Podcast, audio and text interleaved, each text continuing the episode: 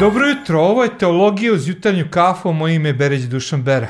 Nadam se da ste dobro i da se polako pripremate za ovu prazničnu sezonu. Mi danas krećemo jednu novu seriju i razmišljat ćemo o prazniku koji je pred nama, razmišljat ćemo o Božiću. Sa mnom je moj dragi prijatelj Đorđe Kostić, koga ću uskoro predstaviti, a pre toga nadam se da ste skuvali kafu, čaj ili šta god već volite da pijete utrknite na brzaka dok je intro, pa si pripremite nešto i krećete teologiju uz jutarnju kafu.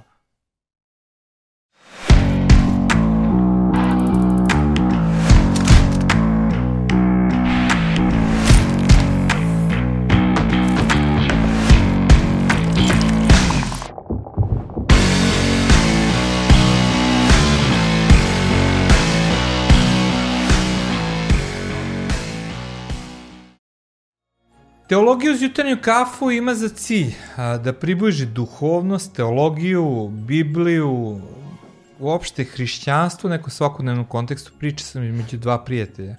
Nekada volim da spomenem kako su se davno u Carigradu žene svađale oko nekih teoloških pitanja, da li je Marija bogorodica, hristorodica, da su se i na pijaci ljudi svađaju, da su političke stranke formirane oko ovih pitanja, a ne želim tako daleko da, da idemo. Mi ali želim da pričamo, da to bude normalni deo našeg nekog svakodnevnog života. Sada smo počeli priču o Božiću, ovih dana svi obeležavaju Božić i uh, ja i Gale pripremamo emisiju koja će se zvati uh, Fenomen Xmas, uh, znači razmišljat ćemo o filmu Samo kući, ne znam da li će izaći dok ovo gledate ili ne, u svakom slučaju želimo malo razmišljati o Božiću i stoji samoj suštini Božića, pa sam ja pozvao mog prijatelja, Đorđe da on malo nam da podlogu, to je da nam kaže o tim nekim razlozima teološkim, zašto Isus uopšte morao da se rodi na ovaj svet.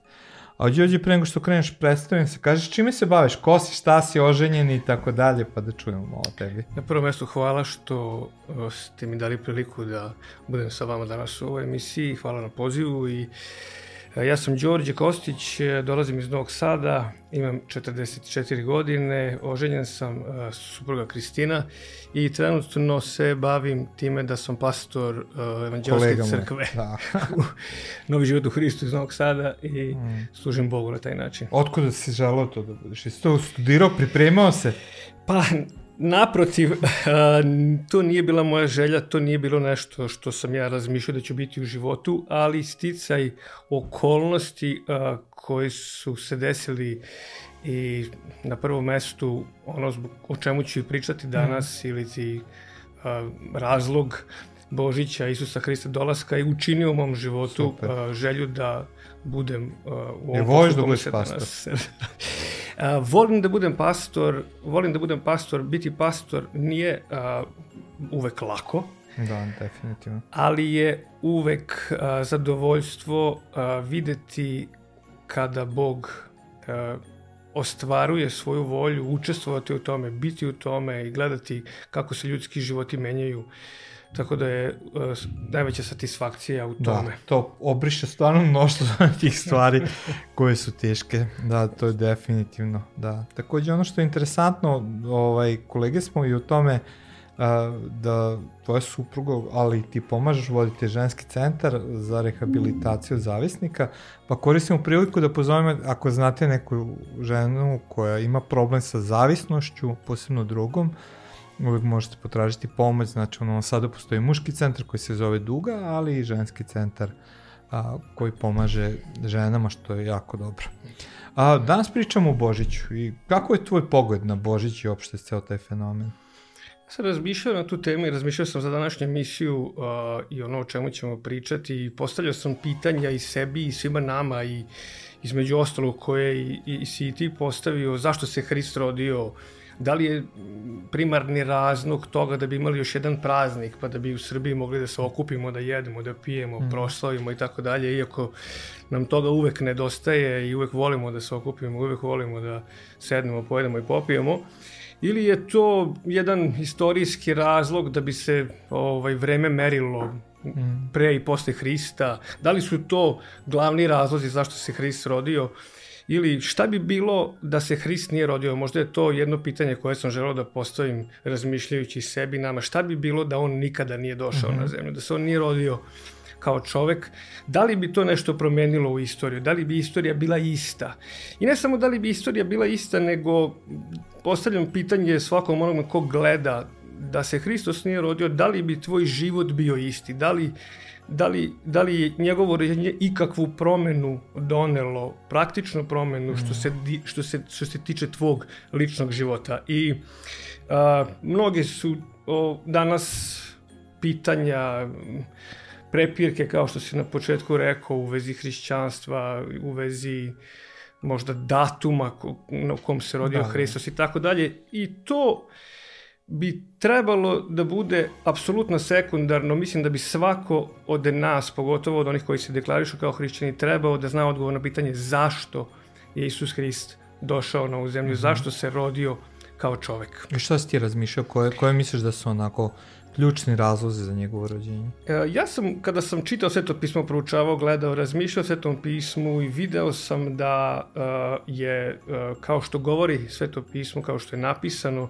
da je čovek stvoren za odnos sa Bogom, međutim da uh, stvari nisu krenule u onom smeru koje, koje, koje, koji je možda bio najbolji. Čovek je doneo pogrešnu odluku, kao što čitamo u, u knjizi Postanja i učinio je prekršaj prema Bogu i uh, uh, na neki način uh, doživeo odvojenje od Boga ili ra, ra, rastavljanje odnosa, ličnog odnosa sa Bogom koji je imao i uh, Bog je učinio da se, da se, uh, da se čovek sačuva i, i, i kao što piše u Svetom pismu, on je iz Edenskog vrta u tom momentu e, sklonjen, počeo da živi na ovoj zemlji na kojoj sad mi živimo. I kroz istoriju naroda, pogotovo izraelskog naroda, Bog je uspostavio uh, jedan sistem žrtvovanja ili ti uh, sistem u kome je su bile propisane žrtve koje je Bog zahtevao od svog naroda, izraelskog naroda u onom vremenu da mu prinose kako bi uh, uh, kako bi oproštenje greha moglo da dođe na pojedinca ili na zajednicu. I uh, to je u starom zavetu bio sistem koji je funkcionisao tokom celog starog zaveta i izraelskog naroda i uh, ono što možemo čitati recimo u Levitskom zakoniku u četvrtoj glavi, to je otprilike izgledalo ovako, bilo da je to reč za pojedinca, bilo da je reč za zajednicu ili za prvosveštenika, svako je trebao da donese ili da dovede jednu, jednu životinju, bilo da je to bila, bilo jagnje ili jare, i onda da, recimo, govorit ću za pojedinca, da koji je učinio neki greh, je tako, pred Bogom, da uh, dovede tu životinju, da položi svoje ruke mhm. -huh. na glavu te životinje, na neki način identifikuje se sa tom životinjom, uh, prenese, tako reći, svoj greh na tu životinju i onda tu životinju ubije i prenese na neki način na žrtvu da bi sveštenik uzeo krv te životinje, uh, polio po žetveniku, oko žetvenika, na rogove i tako dalje, ispalio uh, onaj, onaj, ono, ono, uh, ne. salo, salo, ili tako da, da. i uh, uh, osobi bi bilo oprošteno, tako reći. Međutim, ono što je, je bilo uh, problematično ili neproblematično, što nije učinilo neku trajnu promenu je to da, da uh, žrtve nisu mogle da urade ono što je bilo potrebno da se desi čoveku i one su morale konstantno da budu donošene. Nakon svakog greha koji čovek uradi, čovek bio, zahte, bilo je zahtevano da se prinesu žrtve. Ja sam, kada sam razmišljao o toj temi i prebacivao u ovu današnjicu i, i, i, i, i kada, bi, kada, kada bi mi kao ljudi danas živeli u, u starom zavetu i kada bi bilo ko načinio neki greh prema Bogu, E, zahtevano bi bilo da on donese žrtvu koja je u onom smislu nešto koštala.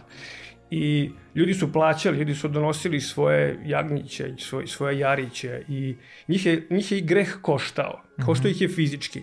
Međutim, danas nas greh uh, često kao ljudi pristupaju tome uh, i shvataju da da, da, da, da je greh ništa ne košta ili da je besplatan, pa i jednostavno bilo bi drugačije kada bi neko ko učini danas greh recimo morao da proda svoj iPhone mm. i da ga donese u crkvu i da ostavi novac i da ode mm. kući zbog toga što, što je... Uglavnom, žrtve koje su prinošene nisu bile dovoljno... Da li Bog bio svestan toga da to nije dovoljno?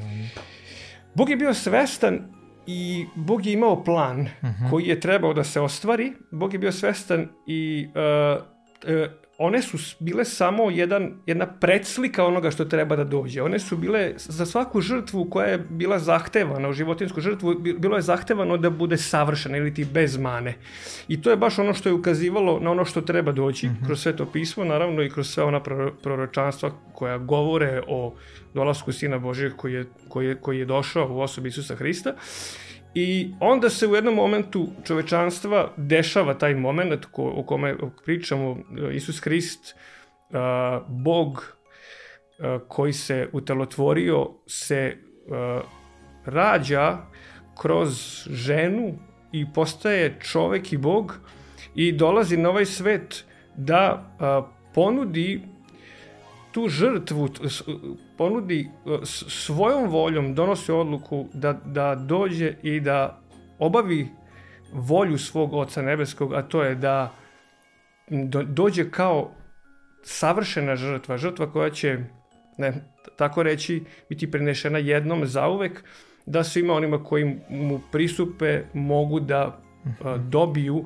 ono što je a, a, u njoj a, čovečanstvu dato. I a, Da li možemo reći ovako, znači, samo da, pošto ovo slušaju različiti ljudi i nisu svi možda u kontekstu crkve, ali često postoji ideja da, da, je, da je Hristos, Boži sin, počeo da postoji momentum začeća. Mhm. -huh. Međutim, da li to tako? Da li on počeo tog momenta da postoji ili ne? Ja verujem po svetom pismu da je on postojao od uvek i mm -hmm. uh, kao što sveto pismo kaže, možda nije u ovom kontekstu, ali kao u Jovenu u Evanđelju, uh, prva glava, prvi stih kaže u početku je bila reč i reč je bila kod Boga i reč je bila Bog. Govori se naravno mm -hmm. o Isusu Hristu i moja je slika, čuo sam dobru sliku u jednoj propovedi kada je jedan uh, naš brat davao sliku kako je to izgledalo slikovito kad se Isus Hrist rodio, pa iz njegove perspektive je to bilo ovako kao da su otac i sin pričali kako ćemo, šta ćemo, mm. da, da se treba da se ostvari ono što je od početka bilo zamišljeno, mm. treba da se desi rođenje Isusa Hrista i onda u jednom momentu sin Boži kaže, Isus Hrist kaže odlazim i onda u tom momentu odlazi i u tom momentu Sveti Duh se začinje uh, u Mariji i ona postaje trudna sa Sinom Božim, jednostavno odlazi onakav kakav je bio, kakav je uvek bio, kakav je uvek postajao i postaje čovek, ili ti postaje i čovek i, čovek, i da. Bog. Da. I, Bog, I čovek da. i Bog. Tako da to je hrišćansko verovanje, da je Isus Hristos čovek i Bog, ali ta ljudska priroda postaje deo njegovog uh, bića u momentu začeća. Super. Da. da. Uh, ono takođe što uh, sam razmišljao je da je uh, od tog momenta dolaska Isusa Hrista i svega onoga što je on predstavio čovečanstvu i nastupa, kao što Sveto pismo kaže, jedan novi savez. On je došao na prvom mestu da ispuni stari savez ili kroz njega je ispunjen zakon. On je došao da ostvari taj zakon koji nikada nije mogao biti ostvaren, ali on je ispunjenje zakona na neki način. On je došao da uh, čovečanstvu pokaže da je kroz njega došlo ispunjenje zakona kao što je i to bilo mm uh, i, i on je uh, savršena žrtva koja je uh, donešena i onda se postavlja pitanje zašto je morala da bude ljudska savršena žrtva prinešena. Ako bi gledali sveto pismo, videli bismo, kao što kaže u Rimljanima poslanici 5.12, da je preko jednog čoveka u svet ušao greh i da je smrt snašla sve ljude. Ili ti, kao što kaže Rimanima 6, 3, 23, nema pravednog, nema ni jednog. Ili ne postoji čovek koji je savršen od početka sveta, ne postoji mm -hmm. savršena žrtva koja bi mogla biti prinešena u, sa strane čovečanstva. Moralo je da bude izvan njega. I zato je Boži sin, ja verujem, došao zato što je on jedini mogao da bude savršen i da na, kao savršena žrtva prinese sebe mm -hmm. uh, na, na to i da ispuni naravno očevu volju koja je bila od početka da se to desi. I mnoge su stvari ispunjene kroz rođenje Isusa Hrista kada ja razmišljam po Svetom pismu i gledam svašta svašta bi mogli da pričamo o šta se sve to desilo u osobi Isusa Hrista, šta. Ono što bih ja naglasio danas i ono što mislim da je važno uh, je da je kaže u Svetom pismu Luka 19.10, mislim da je da je sin Boži i misli se na Isusa Hrista došao da spasi da traži i da spasi izgubljene. izgubljene da. I onda čovjek se pita, pa dobro, to su izgubljeni su ubice, zavisnici, alkoholičari i tako dalje. Međutim, nije tako. Baš sve to pismo govori da smo svi izgubljeni, da je svaki čovjek izgubljen i da je niko ne ostvaruje pravednost Božiju, da je svako zalutao, da je svako na putu koji a, nije Božji put, koji ne poznaje Boga. I onda sam razmišljao o sebi, pošto sledeća stvar koju je Isus Hrist došao da uradi je da nas izmiri sa Bogom, da izmiri čoveka sa Bogom, da izmiri mene sa Bogom. Mm -hmm. Razmišljao sam o mom životu. Mm -hmm. Pre 20 tak godina bio sam čovek koji s jedne strane mislio da je hrišćanin, imao sam to mi je prenešeno da sam hrišćanin, da, da, je, da je to nešto što što sam nasledio i tako dalje. Mm. Međutim, moj život je bio apsolutno nešto drugo ako, ako gledamo de, moja dela. Bio sam duboko u zavisnosti droga, alkohola, tableta i raznog grešnog ponašanja koje je pratilo. I uh, mogo bi da kažem da mir sa Bogom nisam imao. I onda je do mene došla poruka ovoga tipa da Sveto pismo kaže da je da Isus Hrist se rodio da bi me izmirio sa mhm. Bogom i, i, i ovaj da, da, da, da mogu da dođem kod njega i da tražim oproštenje, da sam ja to i uradio i ono što se sećam uh, je da je velik nosio sam u sebi jednu velik, velik teret krivice uh mhm. -huh. i ta krivica me je strašno pritiskala duboko u duši meni kao da je kao da je pritisak ogroman bio koji, je, koji, koji sam konstantno nosio i to je bio taj ta krivica od tog uh, nemira sa Bogom ili neprijateljstva prema Bogu. Čovek je neprijatelj prema Bogu, nema prijateljski odnos prema Bogu jer ne može da ga ima. I onda sam došao jednostavno na poruku koju, koja mi je upućena da treba da se pokajem i da prihvatim. Prihvatio sam, molio sam se za oproštenje i gospod jednostavno doneo mir u moje srce ili od, odneo je moju krivicu. Desila se jedna promena duboko unutar mene, a ta promena se manifestovala tako da sam ja dobio mir. Mm -hmm. Nisam nikada taj mir u životu imao. I onda sam, sada kada gledam iz te perspektive, video sam da ja nisam imao mir sa Bogom. I da, uh, da sam bio u neprijateljskom odnosu sa Bogom i ne samo to, nego uh, vidim da danas ljudi uh, na, na sličan način se, se ponašaju i da me je to vodilo u ovu sledeću tačku koju želim da kažem, Isus Hrist i još jedan razlog njegovog uređenja je, do, je bio da objavi oca. Mm -hmm. da, da, da jednostavno ovaj svet vidi kakav je otac nebeski. Opet gledam iz svoje perspektive, ja nisam znao kakav je otac nebeski, imao sam možda neke svoje poglede, kakav je Bog i tako dalje, ali stvarno nisam razumeo, nisam znao ništa o Bogu, nisam znao ništa o ocu i a, on je došao da objavi Oca Nebeskog. Njegov život je onaj koji pokazuje kakav je nebeski otac ili kakav je Bog, kako Bog razmišlja, e, kakvi su njegova, njegova ponašanja i uh, kroz njega sam video da je i što me je zapanjilo da je Bog dobar. Mm. Da je otac dobar. I ne samo da je dobar, nego da voli ljude. da mnogi ljudi kroz, kroz, kroz, kroz moj život i kroz rada s ljudima, u, pogotovo iz pozadine zavisnosti, na, nailazimo na to da ljudi nemaju dobre iskustva u svojim porodicama, mm. pozitivna, i pogotovo sa očevima. I onda možemo da, da vidimo da je uh, uh, predstava oca u mnogim ljudima je nešto što je porušeno jer su doživjeli strahovite uh, poniženja, verbalna, fizička zlostavljanja. Imao sam ljude s kojima sam pričao na koje su koje, na, ko, na koga je otac pucao pištoljem iz, iz, iz malih nekih, nekog prekršaja, držao mu je nož pod grlom i tako dalje. Strahovite traume koji su ljudi doživljavali od svog oca.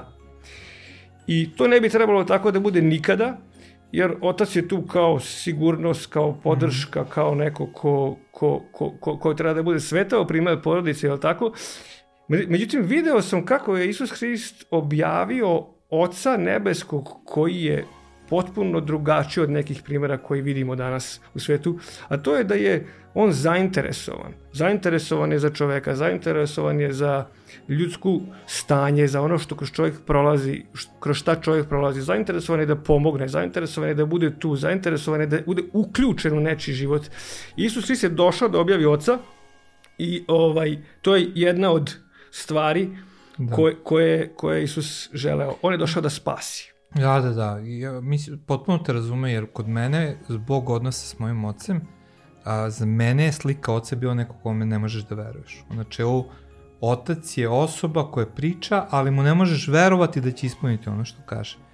I dugo sam imao tu, tu neku barijeru u svom umu da Boga vidim kao nekoga kome možeš da veruješ. Ja sam se molio Isusu, molio sam se Duhu Svetom, ali oče naš mi nikako nije mogao hm. zvučati dobro umu, jer odmah je bio povezan sa slikom, ono, e pa kad je otac, baš nije tu baš onako neke odnos sigurnosti. Tako da super što si osekao. Da. Isus pokazuje zapravo kakav je otac, tako da. Isus pokazuje i ja mislim da mnogima od nas menja tu paradigmu, mm. možda koju, koju smo imali prema ocu ili prema Bogu ili nam uopšte predstavlja po prvi put.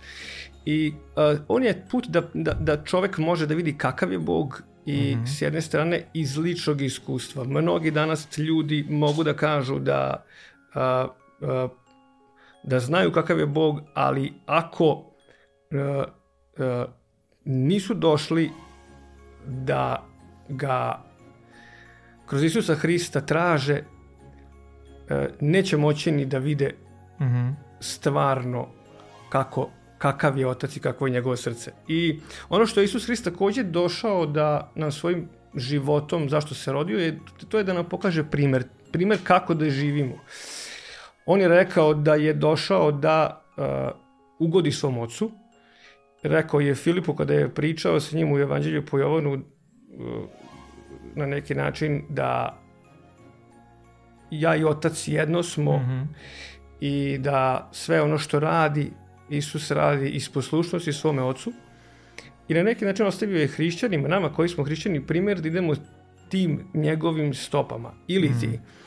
kao što smo nasledili od Adama onu grešnu prirodu koja je u svima nama ljudima postoji, a ta grešna priroda nas tera da kršimo Božje zapovesti, da živimo protiv onoga kako Bog govori, Isto tako u Isusu Hristu on nam je ostavio primer poslušnosti Bogu ili poslušnosti Ocu ili ti ako smo hrišćani, ako idemo za njim, naša je dužnost ili naš je primer, možda bolje rečeno, da živimo onako kako je on živeo, a on je živeo život e, poslušnosti ocu, on je želeo da mu ugodi svojim životom, svojim ponašanjem mm -hmm. i da radi ono što i njegov otac a, želi i da to sprovede u delo mm. i praksu.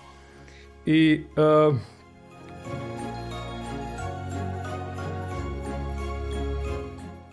Da, iako je, moram priznati, teško slediti primjer Isusa. On je više onako uzor, ali ovaj, da baš možemo slediti njegov način života i ne ide nam odeš od ruke. Ja, ja, ja, ja sam kada sam to nekako sumarizovao u, u, u nekih par, par nekih stvari danas ko, ko, o kojima sam ja konkretno spominjao, a to je recimo ako je gospod Isus Hrist došao da traži i da spasi ono što je izgubljeno i mi hrišćani bismo trebali da imamo na srcu da, da to radimo, da, da, da, da tražimo i da spasimo ono on, onoga ko je izgubljen. Ako je on bio primer i bio poslušan ocu, mi bismo trebali da imamo taj isti stav da želimo da budemo poslušni Bogu ili ti da, da koliko god i u našoj moći učinimo ono što otac na neki način kaže i da ga predstavljamo mm. na taj način kakav je on nama predstavio. Da, Oca da, da mi tako to, da, to je to je interesantno što kaže, jer ovo meni isto stvarno pomaže kad gledam njega kao model, zapravo pravilno razmišljam u ovom svetu, što je puno stereotipa, pa na primjer za hrišćan kaže da ne može da se ljuti ili raspravlja u nešto, ali onda mi vidimo Isusa koji to čini i pokazuje nam kako je to ispravno zapravo raditi i zapravo omogućava nam da živimo jedan zdrav način života umesto da budemo u nekom stereotipu u, u kockanju u neku kocku, da. Slažem se i na, naglasio bih uh, i postavio pitanje gledaocima nama. Mm. Da li je Isus Hrist za nas samo istorijski Isus? Da li je mm. njegovo ređenje učinilo neku promenu u našem životu ili u tvom životu? Da li si došao do te tačke da si se da si shvatio da se nisi nikada izmirio sa Bogom? Mm. Da nikada Boga nisi upoznao u svom životu ili upoznala?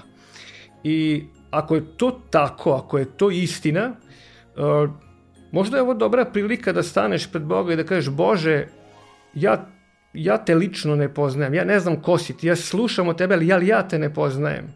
Moje srce te ne poznaje, ja ne znam kakav si ti. Želeo bih da te upoznam, želeo bih da te upoznam, želeo bih da, da, da, bud, da imam prisan i ličan odnos sa tobom. I evo slušam da je to moguće tako što je Isus Hrist došao na ovu zemlju mm. da te objavi i ja verujem u tvog sina Isusa Hrista, ja hoću da te upoznam kroz tvog sina Isusa Hrista, ja hoću oče da vidim kakav si ti. Ali kao što je Isus Hristos došao da bude spasitelj, kao što ga Jovan apost, uh, krstitelj rekao, evo jagnjeta Božijeg, evo savršene žrtve, evo jagnjeta Božijeg koje dolazi da odnese grehe sveta, Gospode, odnesi moje grehe, uzmi moje grehe na sebe, očisti moj greh i dođi, objavi mi Oca Gospode Isuse Hriste, ja želim da upoznam Oca Nebeskog i hvala ti što si mi to omogućio, želim da to bude u mom životu moj lični primer. I ako to budeš uradio iskrenog srca ili iskrena srca, Bog će doći u tvoj život i ti ćeš videti Boga lično. Vidjet, imaćeš iskustvo novog rođenja, kako ga Gospod Isus se mm. naziva, i upoznaćeš Boga i taj odnos će početi da se gradi. I to je iskustvo svih nas koji smo na neki način nekada u životu čuli evanđelje o Isusu Hristu, odgovorili verom u njega i onda je počeo taj odnos koji i danas traje, a to je lični odnos sa Bogom zbog koga je Isus Hrist došao da se rodi na ovoj zemlji, da omogući nama ljudima da to imamo. I kao što ima odnos sa svojim apostolima, drugih odnos sa zemljom može imati i sa vama. Ovo je bilo Teologija uz jutarnju hafu. Đorđe, hvala ti puno na gostovanju. Hvala još jedno. Meni je drago da smo bili zajedno. Podržite nas tako što ćete lajkovati, komentarisati, podeliti možda nekom video kome je potrebna baš ova današnja poruka. Možete nas podržati finansijski, imate naš Paypal dole. U svakom slučaju, to je bilo za danas i krećemo jednu seriju o Božiću, sledeće nedelje gostuje Nataša Vučković i ona će govoriti o proročanstvima koje govore o Hristu. Vidimo se ljudi. Uživajte uz jutarnju kafu.